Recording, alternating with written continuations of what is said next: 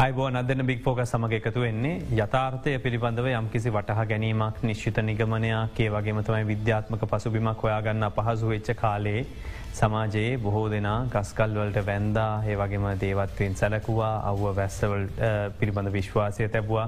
ඉතින් තමන්ගේ සීමාවෙන් එහා තමන්ට පාලනය කළ නොහැකි දේවල් පිළිබඳ යම්කිසි විශ්වාසයක් තැබවා. ම මේ පූර්ිකාව අරගෙන මේ සාකච්ඡාව ආරම්භකන්ට හිතුවේ විශේෂම ගත්තෝතින් ලංකාවේ ඉතිහාසය හදාරනව නම් පේන තියන දෙයක් විශේෂම මේ ශාන්තිකර්ම බවිලික තොවිල් මේ වගේ දේවල්ලොලත් එක්ක බැඳෙන වචන තියන ප්‍රාදේශය වශයෙන් බැඳෙන වචන තියෙනවා. වගේම තමයි ජනතාව අතර කේවල වශයෙන් සාපුත් පුද්ගල සමූහ වශයෙන් බැඳන වචන තියනවා. එක තැනක තොවිල කියනො තවතනක යාග කියනෝ කංකාරිය කියනෝ මඩුව කියනෝ බලිය කියනෝ මේ මොන නමකින් හඳුන්ල ගත්තත් අවසානයේ සිද්ධ වෙන්න මොකක්ද කියල බලන්නකොට සෞන්දරධ්‍යාපන ප්‍රද ජේෂ්ඨ කතිකාචාරයරකුණ ඥානසිරි පිරිස් මහතා ඔහුගේ කෘතිය කියන්නේ ශාන්තිකර්මයක් වූ කලී සියලු සත්වයා කෙරෙහි පැමිණිය හැකි රෝග උපද්‍රව අතුරුවන්තර දෝෂාන්දකාර දුරුකොට. ඔවුන් බලාපොරොත්තු වන ආකාරය සිතක් ශාන්තියක් සෞභාග්‍යත් කලකීමේ අරමුණින් කරන ලබන යහපත් ක්‍රියාවක් කියන එක. දැන් ඔන්න කියන එක අරමුණත් එක්ක අපි අප හැරල බලන්න ඕන මේ පහුගේ දිනවල වාර්තාවෙච්ච යම් සිදුවීම් කිහිපයක් සහ ප්‍රධාන වශයෙන් එක් සිදුවීමක් එක්ක. අපි සමාජයක් විදිහට ඔය කියපු අර්ථකතනය ඉන්නවද එතන නිහාට ගිහිල්ලද අපි වැඩ කරන්නේ. අපිත් එක් අද සම්බන්ධ වෙනවා මේ සාකච්චර පොලිස් මාධ්‍ය ප්‍රකාශක ජේෂ පොලිස් අධිකාරී නීතික්ෂ නිහල් තල්දුව මහත්මය අයිබුවන් ඔබ පිළිගන්නවා. ඒවගේ අපිත් එක් සම්බන්ධන කරපිටිය ශික්ෂණ රෝහලේ මනෝවෛද්‍ය විශේෂක්ම රූමි රූබන් මහත්මය අයිබුවන් ඔබත් පිළිගන්න අයිබන්. කතාව ආරම්භේම ප්‍රධාන මාතෘකාව මේට යොදන්න හේතුව තමයි ටැබිලිගෙඩි විසිය එකක් සහ කහදියර පෙව් කාන්තාවක් මියයාමේ සිද්ධිය. සිද්ධිය පිළිබඳව නොදන්නයටත් දැනගන්න ඒ සිදුවීම පැහැදිලි කරලා එතැන් සිට මේ කතාව ආරම්භ කරමු මුලින්ම ඔබතුමා මේ කතාව කොහෙද කොතනින්ද වාර්තා වෙන්නේ මේ සිදුවීමට හේතුව කුමත්ති කළ පැහැදිලි කිරීමක් යන හරි. ත්‍රම චත්වර මේ සිද්ධිය සිද්ධ වෙන්නේ ලක්ගල පොලිස්සසමේ. මේ පුද්ගලයෝ දඹුල්ල ප්‍රදේශයේ කට්ටයක්. මේ අය යනවා මේ ලක්ගල ප්‍රදේශයට. මේ වගේ තමන්ගේ බිරිඳ සම්බන්ධයෙන් තියෙන යම්කිසි කාරණයකට අවශ්‍ය කරන විදිහේ පූජාවක් කරගන්න. එතන ඉන්න අවුරුදු විසි පහක පුද්ගලයක. ඒ වගේම හුගේ පෙම්මතිය ඉන්නවා. ඇත් අවුරුදු විසි පහක් මේ දෙන්න තමයි මේ පූජාව සඳහා සූදනන් කරන්නේ. මෙහි මිමියගිය කාන්තාවගේ සයිම්පුරුෂයා ව්‍යාපාරිකයෙක්. ඔහු තමයි මේ ඔහුත් සාමාන්‍යෙන් ඔය පතල් කටුත් සම්බන්ධ වැඩකටතු කරන කෙනෙක්. ලක්ගල ප්‍රදේශයේ ඔහු ඔයිට කල්මුත් වැඩ කරලා තියෙනවා. එනිසා ඔහු මේ අඳුරගත්තු මේ තරුණයකුට තමයි බාර දෙන්නේ. තමාගේ මේ බිරිඳ සම්බන්ධයෙන් තියෙන ප්‍රශ්නයක්. මේ පූජාවක් කල යම්කිසි ආකාරයකට පේටක් පතාගෙන තම යන්න ති මේ අවස්ථාවවිදි මේ මේ අවුදු විසි පහක පුද්ගලය ඔහු පතල් කටයුතු කරන කෙනෙක් පතල්වල යමයම් වැඩ කරන කෙනෙක්.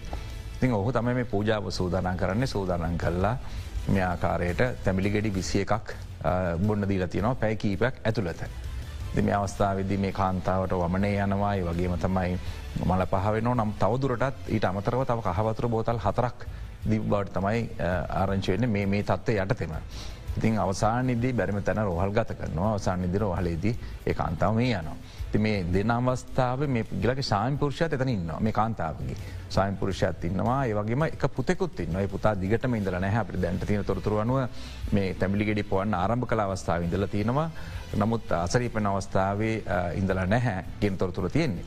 කොහොමුණත් මේ අධික ලෙස මේ තැමිලි පානය කරලා ඉට පස්ස මේ කහ මිශ්‍ර කරපු වතුර බීලා සමන අපිහිතාගන්න බෑ. තැමිලිගෙඩි විසිය එකක් පුද්ගලෙකුට බොන්න පුළුවන්ද? මේ පැය දෙක් තුනක් ඇතුලත එකදිගට බොන්න පුළුවන්ද කියෙන ප්‍රශ්ය තියන අනික මේ පිපාසයක් තින වෙලාවගේ රාත්‍රී කාලේ මේ කියන්නේ මේ වෙලාවේ මේක සිද්ධ වුණා කිය එතකොට මේ කිසේත්ම සාමනෙන් එකදිගට හිම වන්න පුළන්කමක් නෑ. ඉටමතර කහවතුර මිට කරපු බෝතල් හතර මේ ඒ ඇඳුම් ඔොල පවා මල පහ වෙලා තියනවා. ඒවත් සාමාන්‍ය සෝදා පිරිසිදු කරල තින ස්ථානයේ නමුත් මේ පුද්ගලයා මේ පූජාව කරපු පුද්ගලයා මේ සම්බන්ධව කිසිම දැනුමත් තේරුමක් ඇති කෙනෙක් බවට මෙතෙක් අපිට නාවරණය වෙලාන්න එකැන දැන් සාමානෙන් අපි ගැන කපු මහත්තුරු කපුවෝ ඔය යනදී ඒ වගේ නම නමින්. ඔව්. එතොට එයා එවැනි දේවාලයක්කෝ මොකක්කර පවත්තගෙන යන කෙනෙක්ද සහ එවැනි දේවාලයක් නෙවේ නමුත් එවැනි දේවල් ඔහු යම් දේවල් කරලා තියනවා. එක මිනිසුන්ට අපි ම මෙම දෙයක් කරන බව ගවමින් යම් යම් දේවල් කරලා තියෙනවා.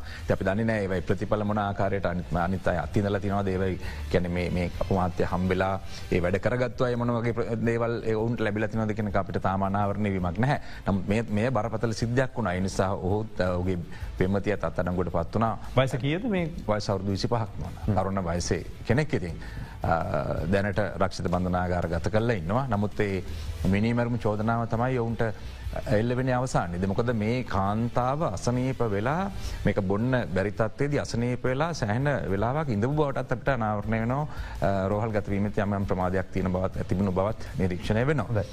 එතකොට දැන් මේ සිදුවීමත් එක තියෙන කාරණය පිළිබඳ වෛද්‍ය විද්‍යාත්මකෝ බැලුවෝතින්. මෙවැනි තැඹිලි පෙවීමක් හෝ කහදියර පෙවීමක් මොකද ඇතිවන්න පුළන් ප්‍රතිඵලය මේ ඒකද එන්න විද්‍යාත්මක පැහදිලි කිරීමක් විදිර කරනවන එමනත මේ මානසික තත්වයද. ඇතරම දැන් ඔය ඒ සිද්ධියේදී අ, අපිට වෛද්‍යද්‍යාන පැත්තෙන් ගත්තොත් වෙන්නේ සරයට අවශ්‍ය ප්‍රමාණයට වඩා යම්කිසි පුද්ගලෙක වතුර ගත්තොත් ඒ වත ශරීරයේ තියෙන ජල ප්‍රමාණය වැඩිවෙල්ලා ඒක බලපානවා ලබන ප්‍රමාණය වෙනස්වීමට ඒ අවස්ථාවේදී හදිසි තත්ව යටතේදී ජීවිත නැතිවෙනට පුළුවන් ඒ සිද්ධියද කොම ජීවිත නැතුනාද කියලා මහරිටම කියන්න බැහැ අපිට ඒ සිද්ධිය විශ්ේෂණය කරන්න නැතු ඒක වෙන වාර්තාවකින් ගැන දෙයක් නමුත් අපි පොදුවයකිවොත් ඒවගේ තත්ව ඇතිවෙනට පුළුවන්. ඒ තත්වේදී. නමුද එතයා වැදගත්දේ තමයි දැ මේ වගේ දේවල් කරනකොට අපිට පැහැදිල පෙනී යනවා අ, මේ මනුෂ ශරීරය පිළිබඳ මනුශරීරයේ ක්‍රියාකාරිත්වය පිළිබඳ ඒ ඒ මනුෂ ශරීරයට අහිතකර දේවල් පිළිබඳ කිසිම අවබෝධයකින් තොරව තමයි මේ බොහෝ අය රෝගසුව කරන්න උත්සාහ කරන්නේ. ඉතින් ඒ උත්සාහය තුළම ජීවිත නැතිවෙන්නෙත් අ, ඒ අවබෝධය නැති නිසා. දැ මේක පලවෙනි සිද්ධියන වෙන මේක හැමදාම මාසකීපකට සරයක් ඔය වගේ ජීවිත නැති වෙනවා. සමහරලාට පහරදීම් නිසා හිරිහරයට පත්වෙනවා. තව සමහර වෙලාවට දරුවෝ අපචාරවට ලක් වෙනවා. ඉති මේ වගේ සිද්ධි හැම එකම හොල බලන්නකොට පේනවා. එක පැත්තකින් ඒ දෙමාපියෝ තමන්ගේ අ, රෝගී දරුවා හෝ වෙනත් පුද්ගලයකු කිසිම රැකවරණයකින් තොරව අ, සුව කර දෙන්න කියල බාර කරනවා. එතකොට ඒ අවස්ථාවෙන් ප්‍රෝජන ගන්න එකත් තමයි කරන්න එක පැත්තකින්. අනි පැත්තෙන් ඒ සුවකිරීමේ යාගේ හෝ පූජාව හෝ ඒ කරන පුද්ගලයා රෝග ගැන කිසිම බෝධකුන් නැතුව අයිදවිද්‍යා පිළිමද බෝධකුන් නැතුව ශරිරය පිළිමද බෝධයක නැතුව කරන ක්‍රියාව හානිකරන්දමතම නතර වෙන්න. එක ජීවිත හනි වෙනට පුළන් වැඩ රෝග හැදෙන පුළන් ඒවගේම මානසි රෝගයක් තිබෙන වනන්ගේ පුද්ගලයාට සබල කරාට ඔය මානසික රෝගවලට තමයි මේ ප්‍රතිකාර කරන්න උත්සා කරන්නේ. මානසික රෝග සෝකර ගැනීම තවතවත් පමා වෙනවා. ඉතින් එක කිහිපාකාරකින් හානිකර තත්වයක් ඇති වෙනවා. කෝමාරි දැන් වෙන්න ඕනු දෙවල් වෙලාත් ඉවරයි. ඒ අනුව එම කාන්තාව ජීවිතක්ෂයට පත්වනවා කියනක පත් වනා කියනක ඔබ දන්නවා. රටම දන්න කාරණය තුර මුලිම ප්‍රදේශය රෝහල්ට තම ඇතුල් කරන්න. ඉන් පස්සේ මුලික